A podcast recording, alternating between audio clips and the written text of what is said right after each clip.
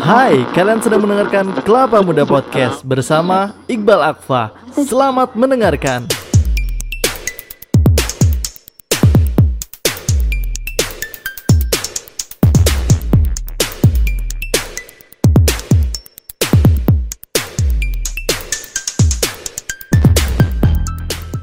Hai, ketemu bareng gue Iqbal Akfa dan kali ini salah satu podcast pertama gue namanya Kelapa Muda Podcast. Jadi kalau misalnya kelapa muda itu kan sebenarnya identik dengan sesuatu yang baru ya, sesuatu yang muda, yang berwarna, yang menyehatkan dan menyegarkan. Jadinya nantinya kelapa muda podcast ini adalah tempat di mana gue akan ngebicarain tentang hal-hal yang terjadi di zaman masih muda gitu loh zaman masih SMA, kuliah, cari kerja, susahnya cari kerja. Bahkan nantinya gue akan juga ngasih tahu beberapa lowongan-lowongan kerja untuk kalian semuanya dengan cara gue sendiri. Pokoknya gimana deh nanti pengalaman kalian susahnya di zaman SMA sampai dengan kuliah sampai dengan kerja dan hal itu tentunya bisa ngebuat kalian jadi semangat gitu ya untuk merasakan bahwa sebenarnya aura-aura di masa SMA itu harus kalian bisa manfaatkan. Jangan jadinya kalian mengeluh di masa-masa SMA gitu. Karena wah gue nih ngerasa masa SMA nih gitu. Jadinya semua tiap hari ngerjain PR, tiap hari harus ngerjain tugas dan sebagainya. Lo belum tahu gimana rasanya kalau misalnya sudah kuliah dan hampir mau lulus.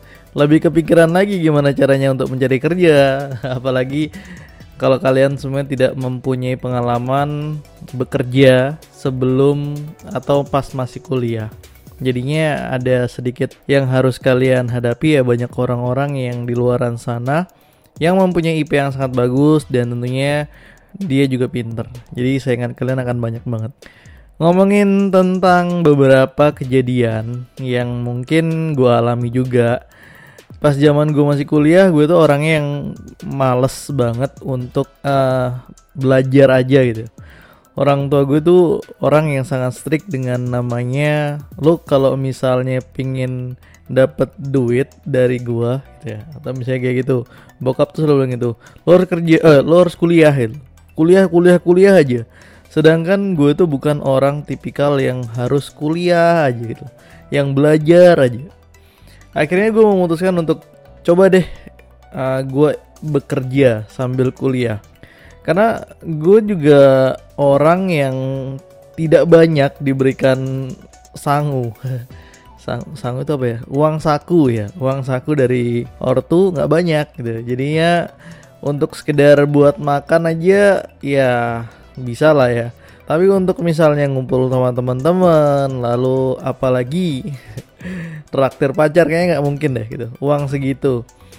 Gue dulu zaman kuliah gue tiap tiga hari ortu itu kalau ngasih per tiga hari atau mungkin kalau misalnya dibagi dibagi tiga gitu ya tiap hari itu ortu itu ngasihnya dua puluh ribu per hari. Bayangin dua puluh ribu itu sebenarnya cukup untuk makan siang aja gitu karena sarapan di rumah makan siang lalu pulang. Cukup sebenarnya hitungannya orang tua seperti itu ya. Cuma gue orang yang gak pernah bisa diem di rumah apalagi cuma ngerjain tugas kuliah doang. gue bukan orang tipikal seperti itu. Akhirnya gue memutuskan untuk bekerja. Lucunya, ini ini cerita tentang gimana rasanya melamar pekerjaan di sebuah tempat atau sebuah perusahaan yang gue tuh bener-bener nggak tahu banget harus bagaimana.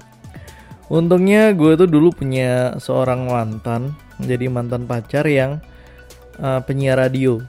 Akhirnya gue tuh kalau misalnya dulu pas SMA selalu ngelihat dia atau ngedengerin dia siaran gitu. Dan di situ gue nyerap gitu. Bagaimana caranya bersiaran, bagaimana caranya untuk apa ya menyapa orang dan dari situ gue bertekad untuk ya udah deh gue nyari kerja nyari kerjanya dari siaran radio karena gue waktu itu ngandelin uh, suara gue yang menurut gue sendiri itu lumayan jadinya ya sudahlah gitu. gue ngelamar lah kerja. Niat gue intinya ngelamar kerja waktu itu pengennya satu gue bisa punya duit sendiri lalu gue punya pengalaman kerja dan duitnya gue bisa untuk uh, ngeraktir pacar gue niat gue cuma itu aja dari dulu serius. Feeling gue tuh udah sebenarnya udah udah ngerasa duh kira-kira bisa nggak ya? Gitu karena dulu zaman kuliah gue tuh nggak nggak neko-neko orangnya. Kalau misalnya untuk diri sendiri tuh nggak neko-neko. Jadi kalau misalnya sehari 20 ribu dikasih sama ortu cukup untuk beli bensin aja. Ngerasa cukup beli bensin aja ya 20 ribu gue pakai beli bensin gitu. Tapi kalau misalnya nantinya kalau gue ngerasa 20 ribu nih gue pakai mau pakai ketemu sama temen atau jalan sama temen gue berangkat dari kan dari rumah ke kampus cuma naik sepeda. Hal itu yang membuat gue tuh jadi berpengalaman banget untuk hidup susah ya karena itu. karena dari awal kuliah pun gue udah ngerasa hidup gue susah banget. Gak pernah dimanja dengan orang tua. Walaupun uh, eh, gue notabene adalah anak tunggal, tapi gak pernah banget gue dimanjain sama orang tua gue sama sekali. Jadinya kalau misalnya lo ngerasa anak tunggal di muka bumi ini adalah orang-orang yang dimanja, gue adalah salah satu orang yang angkat tangan nantinya yang bilang kepada kalian semuanya bahwa di dunia ini yang mungkin dia merasa anak tunggal dan dia tidak dimanja. Oke, balik lagi ke cerita gue yang tadi. Buat ternyata gue orang yang nggak pernah dimanja, jadinya gue harus melakukan semuanya apa-apa sendiri. Akhirnya gue bertekad untuk ngelamar kerja gue gue bingung sebenarnya. Awal ngelamar kerja itu gue bingung. Buat lamaran kerja terus sama lampiran-lampirannya. Ini serius gue bingung banget buat lamaran kerja. Dan CV gue tuh bingung banget. Akhirnya gue ke kosan temen. Gue minta dibantuin untuk gimana membuat lamaran kerja dan CV yang benar.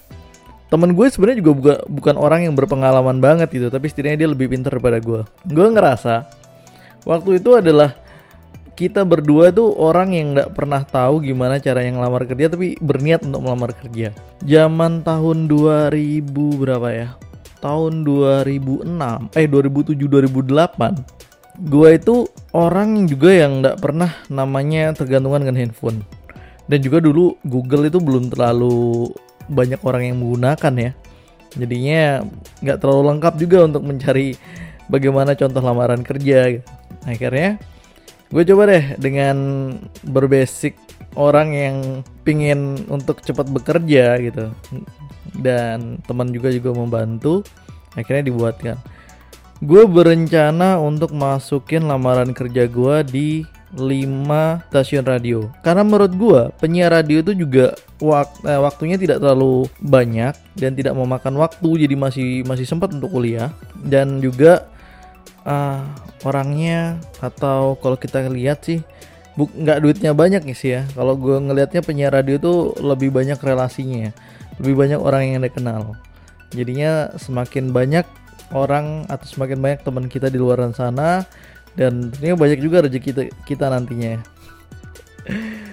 Oke okay, gue langsung membuat 5 lamaran kerja di 5 perusahaan radio pertama gue gue lupa lupa inget ya di tahun 2007 itu gue lupa lupa inget pertama kali. Itu di radio Fresh Radio uh, Gemini FM itu yang ada di Lombok ya di Nusa Tenggara Barat. Karena gue besarnya di Lombok.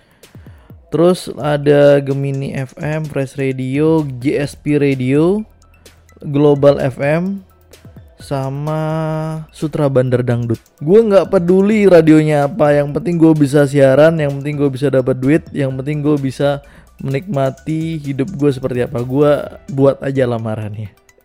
Akhirnya gue nganter, ingat banget gue hari Senin itu. Hari Senin gue naik sepeda, gue ngebolos kuliah hari Senin.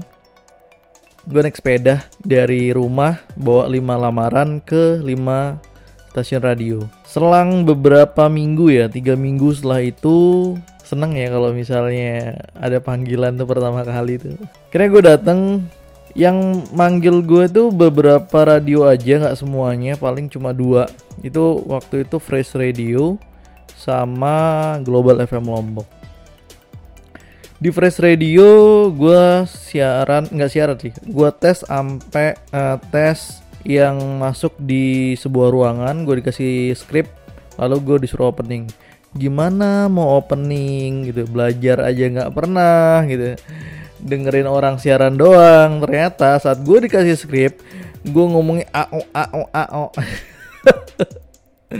Iya serius, gue gue nggak bisa banget. Akhirnya ya udah, gue gugur di situ di Fresh Radio karena uh, gue nggak bisa, nggak bisa banget waktu itu siaran masih kaku banget. Akhirnya gue di Global FM, Global FM tuh radio berita ya di, di Lombok, radio satu-satunya radio terbesar, radio berita terbesar di Lombok dan gue jadi uh, tes di situ. Seingat gue nih ini beberapa kejadian yang seingat gue, gue dites di sana. Alhamdulillah tes suara gue lolos, lalu tes baca berita gue lolos, dan akhirnya gue diterima di Global FM Lombok. Dan Global FM Lombok juga adalah menurut gue di tahun 2008 itu adalah radio yang gajinya itu terbesar di antara radio-radio swasta lain yang ada di Lombok. Karena hitungannya per uh, bukan per jam ya. Jadi hitungannya bukan per siaran, bukan per jam tapi per bulan. Jadi 600 ribu per bulan dengan siarannya itu sehari lu nggak harus siaran jam berapa yang penting lu ada di kantor 6 jam sehari di kantor. Uh, karena gue kuliah waktu itu jadinya gue tuh dikasih siarannya malam. Dari jam berapa? Jam 8 sampai jam 12 malam. Dan besok paginya gue harus nyiapin bahan untuk orang yang siaran pagi siapin bahan tuh maksudnya siapin bahan berita untuk yang dibacakan sama penyiar pagi besoknya. Bayangin itu. Gue tidurnya juga gue tidur di kantor di radio tiap hari. Dan gue yang matiin pemancar gue yang nyalain pemancar gila. Waduh hidup gue waktu itu di di radio aja. Akhirnya di zaman itu gue hanya beberapa bulan aja menjadi seorang penyiar radio dan gue di tiga bulan jadi penyiar radio gue di cut sama radio tersebut karena gue adalah seorang penyiar radio yang tidak layak untuk siaran karena ngerasa bahwa gue belum layak suara gue tuh belum layak jual dan teknik siaran gue juga belum ada. Akhirnya di cut oleh radio tersebut. Sedih banget ya pertama kali kerja di PHK tapi itu sebuah sebuah kejadian. Ah di luar dari itu setelah itu banyak banget uh, yang apa ya bukan bukan menawarkan gue tapi setidaknya gue jadi banyak kenalan dan setelah itu juga gue langsung bisa kerja lagi di radio lain. Hidup gue awalnya di radio aja. Tapi pembelajaran yang untuk kita ambil di namanya di orang-orang yang bekerja saat kuliah itu adalah kalian bisa banyak pengalaman dan untuk kalian semuanya yang mungkin saat ini lagi kuliah ya kesempatan sebenarnya untuk bisa menjadikan keilmuan lo atau pengalaman lo lebih banyak lagi untuk bekerja sambil kuliah. Nggak ada salahnya sih. Terserah kalian juga tapi tentunya kalau misalnya hitungan gue ya ini ini pengalaman gue sendiri juga. Kalau lu sama teman lu sama-sama kuliah kalau misalnya di saat itu juga lu sambil kerja pasti lu itu ada satu step di atasnya dia satu level di atasnya dia. Karena walaupun dia misalnya lulus dengan IPK 3,8 misalnya dan lu cuma IPK 3,5 setidaknya kalau misalnya lu ngelamar kerja lu itu adalah orang yang lebih berpengalaman daripada dia dan perusahaan pun pas ngelihat lo orang yang sudah berpengalaman apalagi pengalamannya lebih daripada dua tahun pasti lo akan yang lebih diutamakan daripada orang dengan IPK tinggi. Uh, jadi gini konsepnya itu sebenarnya tapi nanti ya kita akan ngebahas lagi lebih dalam tentang itu semua tentang bagaimana caranya lu bekerja dan lain sebagainya. Lalu gimana caranya untuk melamar kerja itu nantilah kita akan membahas itu. Cuma gue cuma hanya sekedar informasi aja bahwa sebenarnya perusahaan itu mencari orang yang sudah berpengalaman. Entah IPK-nya misalnya dia IPK standarnya yang ditentukan itu 3,00 dan lu 3,5. Ada orang yang 3,8 tapi dia ber belum berpengalaman dan lu udah ber lebih berpengalaman dan lu yang akan dipilih nantinya. Karena kenapa? Perusahaan lebih suka adalah orang yang fresh graduate. Fresh graduate itu bukan nggak kerja sama sekali ya. Biasanya fresh graduate itu ada maksimal misalnya sudah bekerja selama 2 tahun.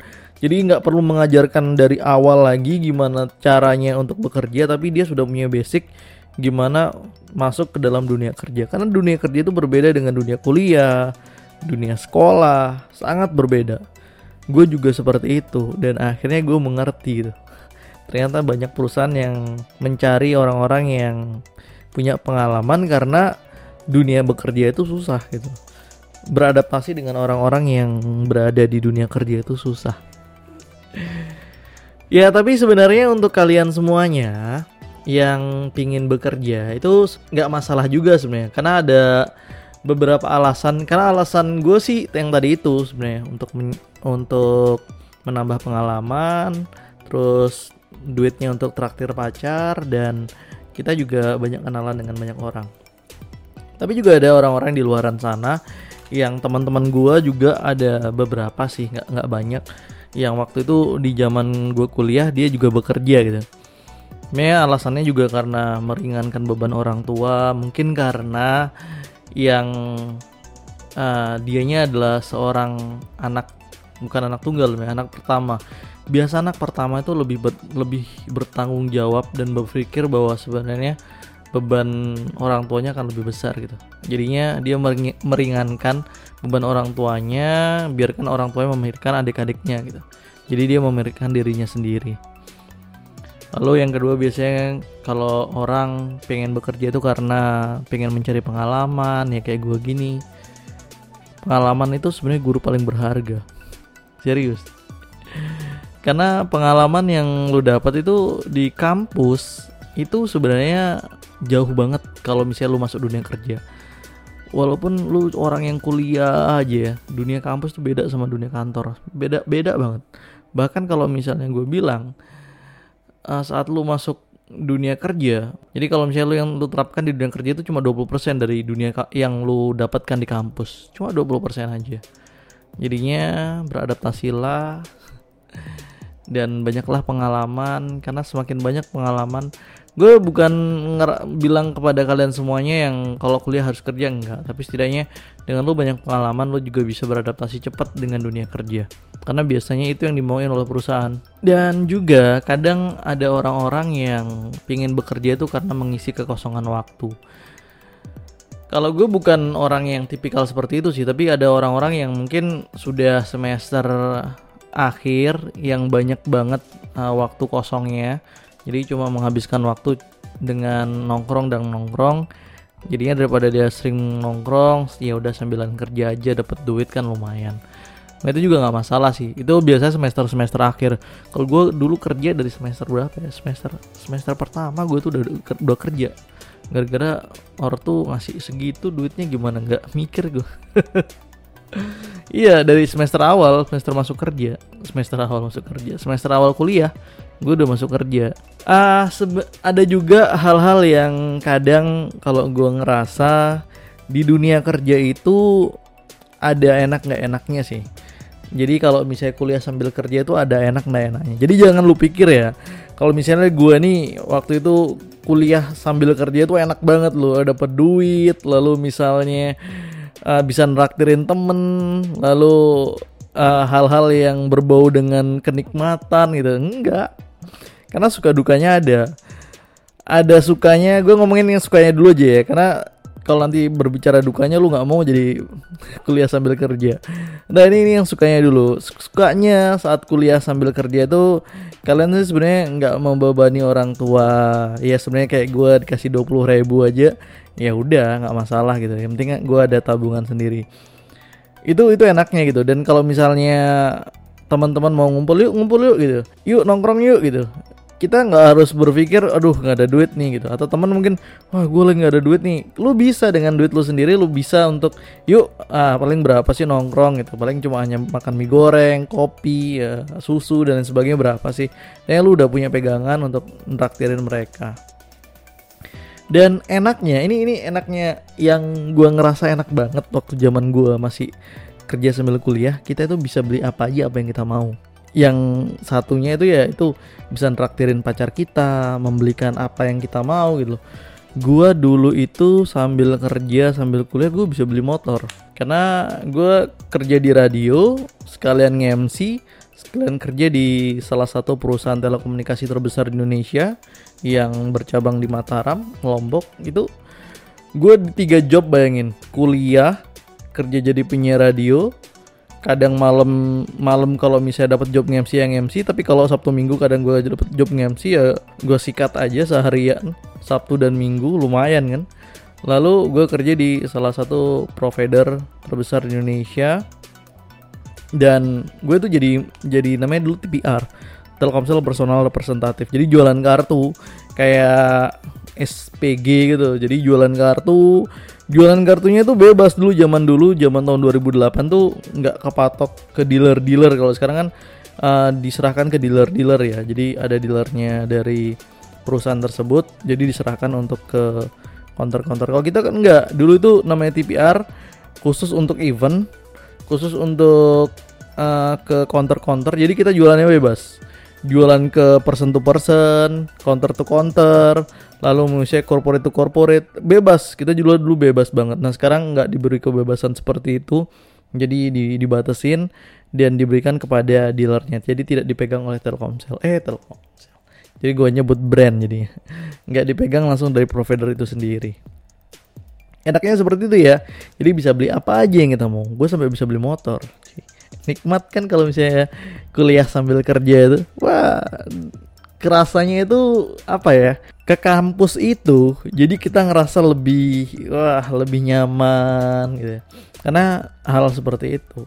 Cuma nanti ada ada hal dukanya yang gue akan ngomongin tentang kampus ini apabila lu sambil bekerja selanjutnya kalau misalnya sukanya itu ya lu punya pengalaman kerja yang gue ceritain tadi. Jadi perusahaan itu akan lebih ngeliat lu jadi orang yang lebih berpengalaman daripada orang-orang lain yang mungkin ngedaftar dengan bagian sama tapi dia belum berpengalaman.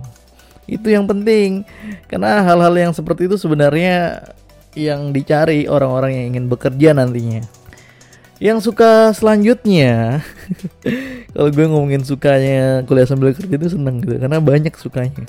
Jadi kalau misalnya sukanya lu bisa milih kerja di mana aja yang lu suka. Kalau misalnya lu udah punya pengalaman. Ini serius. Gue itu dulu ngelamar kerja di beberapa perusahaan alhamdulillah semua keterima. Serius semua keterima. Cuma karena orang tua yang pengen banget ya ngelihat anaknya kerja di bank. Padahal sebenarnya gue nggak ada punya basic banget kerja di bank serius. Gue itu orang yang nggak punya basic di bank. Gue seneng banget dengan broadcasting. Jadi gue karena masuk di dunia radio itu dan seneng banget dengan dunia marketing uh, gue jadi lebih suka dengan dunia yang dihadapkan dengan orang banyak lalu berbicara dengan target. Jadi kelihatan banget nih usaha kita selama sebulan hasilnya berapa. Itu seneng banget. Gara-gara gue bekerja awalnya ya masuk di dunia itu gitu. Akhirnya karena ortu yang minta gue masuk bank ya udah gue coba dites di satu bank milik pemerintah. Akhirnya alhamdulillah gue lulus. Itu satu-satunya bank yang gue daftar yang semuanya itu di luar bank. Dan akhirnya ya ya gue lulus dan gue ambil yang itu. Enaknya seperti itu. Pengalaman ada jadinya perusahaan juga akan melihat lo orang yang lebih berpengalaman daripada orang lain. Nah setelah ngomongin suka ada hal yang sebenarnya itu yang nggak enak sih. Jadi orang yang kuliah sambil kerja itu nggak enak. Ada nggak enaknya? Nggak enaknya waktu bersama keluarga itu sedikit. Itu dukanya ya jadi waktu bersama keluarga semakin sedikit. Karena gue dulu itu waktu bersama orang tua gue tuh jarang banget. Jadi pagi berangkat ke kampus jam 12 siang. Ini ini jadwal gue setiap hari dulu itu ya. Jam 12 siang pulang kuliah gue ganti baju. Biasanya gue udah siapin baju di dalam tuh. Kaos-kaos yang jadi TPR di salah satu provider gue ganti baju gue jualan uh, kartu dari jam 12 itu fle uh, fleksibel sih ya. Kadang ada event juga. Jadi tiap hari itu kadang ada event jaga jaga jaga booth. Dan biasanya dari jam 12 atau jam satuan sampai dengan jam 5 sore atau jam 6 sore karena 6 jam kan 6 sore. Dan setelah itu jam 8 malam biasa gue siaran sampai jam 12 malam. Wah gila tuh ya. Jam 12 malam gue balik pulang ke rumah. Dan setiap hari seperti itu. Sabtu Minggu kadang gue ngambil job ngemsi kalau misalnya ada job ngemsi gue ngambil nih dari pagi biasanya kan. Sabtu Minggu tuh biasanya acaranya pagi. Atau kalau misalnya malam pun biasanya acara-acara band. Itu itu malam tuh. Itu biasanya gue ngambil malam. Dan kalau minggunya biasa full time. Kadang kalau minggu itu full time-nya kadang ada acara perusahaan-perusahaan ulang tahun lah jadi pagi sekalian olahraga pagi sampai dengan siang. Siang gue istirahat bisa satu jam dua jam lah istirahat di radio dulu. Dan akhirnya malam tuh gue next ngambil job lagi untuk MC biasa gitu. Jadi jarang banget waktu untuk keluarga di rumah tuh jarang banget. Jadi orang kalau misalnya orang bisa ketemu gue di rumah itu berarti gue tuh lagi males keluar lagi nggak ada job nge-MC itu aja karena dua itu aja. Tapi kalau misalnya lagi ada event pasti gue nggak pernah di rumah. Kurangnya waktu istirahat juga bisa adalah salah satu dukanya. Karena pasti pasti banget ya istirahat lu berkurang. Gue kadang pulang dari radio itu nggak jam 12 malam langsung gue pulang gitu. Karena biasanya jam segitu anak-anak radio itu pada banyak ngumpul malah jam 12 malam itu. Sering keseringan banget di radio itu kalau pada ngumpulnya itu di jam 12 jam 10 sampai jam 12 malam. Lalu sampai biasanya pulangnya tuh biasa setengah tiga jam 2 biasa gue pulang jam segitu. Sampai rumah paling jam 3 baru bisa tidur besok pagi kuliah. Hal-hal yang seperti itu yang susah banget. Lalu jadwal sama kuliah. Nah ini yang gue bilang. Dukanya di saat lo kerja sambil kuliah itu dukanya jadwal kuliah sering banget bentrok. Lalu kadang kalau ada event yang harus menuntut keluar kota gue bisa banyak banget sih event yang menuntut keluar kota. Kan duitnya lumayan tuh kalau event keluar kota gitu ada SPD lah.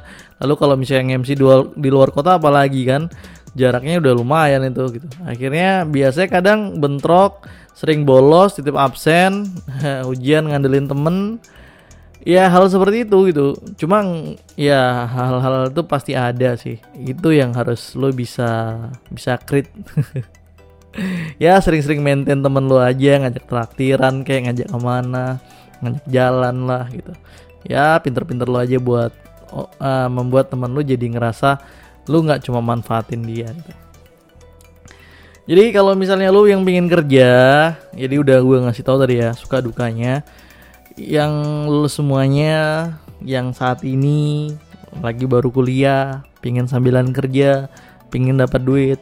Tahun sekarang itu nggak sama kayak tahun-tahun gue dulu. Tahun-tahun gue dulu untuk mencari kerja itu memang benar-benar harus uh, nyari informasi yang jelas, yang di koran lah, terus banyak-banyak nanya dari teman-teman yang lain atau banyak sering dengerin radio.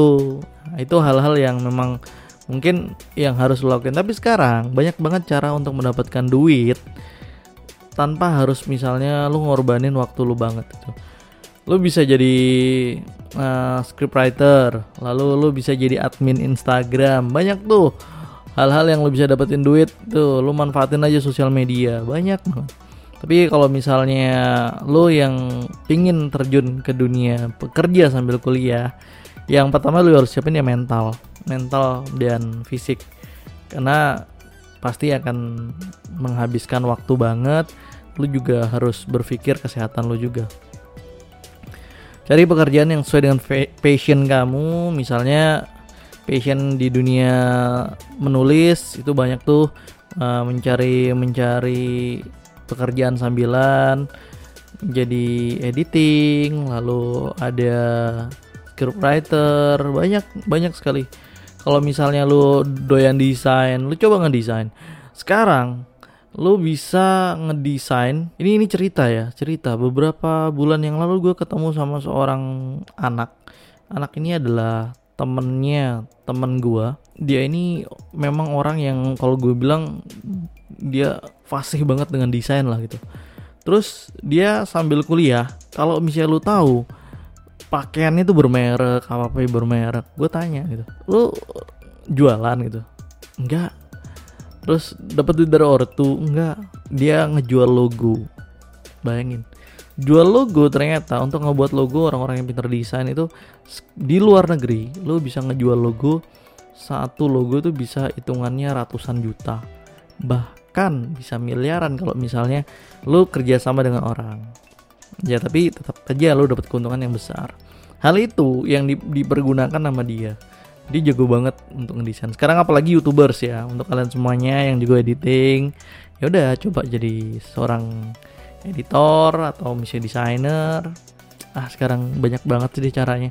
Kalau dulu itu kita nggak kepikiran kayak begitu itu nggak kepikiran. Benar sekarang gampang banget untuk menjadi seorang yang ingin bekerja sambil kuliah ingat ibadah ya sebenarnya. Jadi kalau misalnya lo juga yang bekerja sambil kuliah ingat ibadah ingat orang tua yang ada yang harus lo bahagiain juga. Jangan pernah sampai bener-bener waktu lo habis untuk bekerja dan kuliah. Tapi ada untuk keluarga. Itu aja.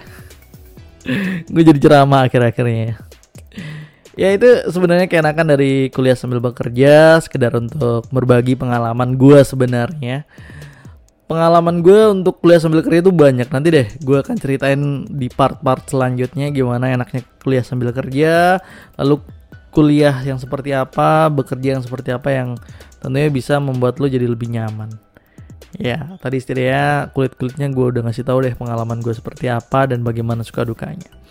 Thank you banget. Ini adalah episode pertama dari Kelapa Muda Podcast yang gue buat untuk sekedar berbagi pengalaman dan cerita di masa-masa muda, SMA, kuliah, dan sambil bekerja.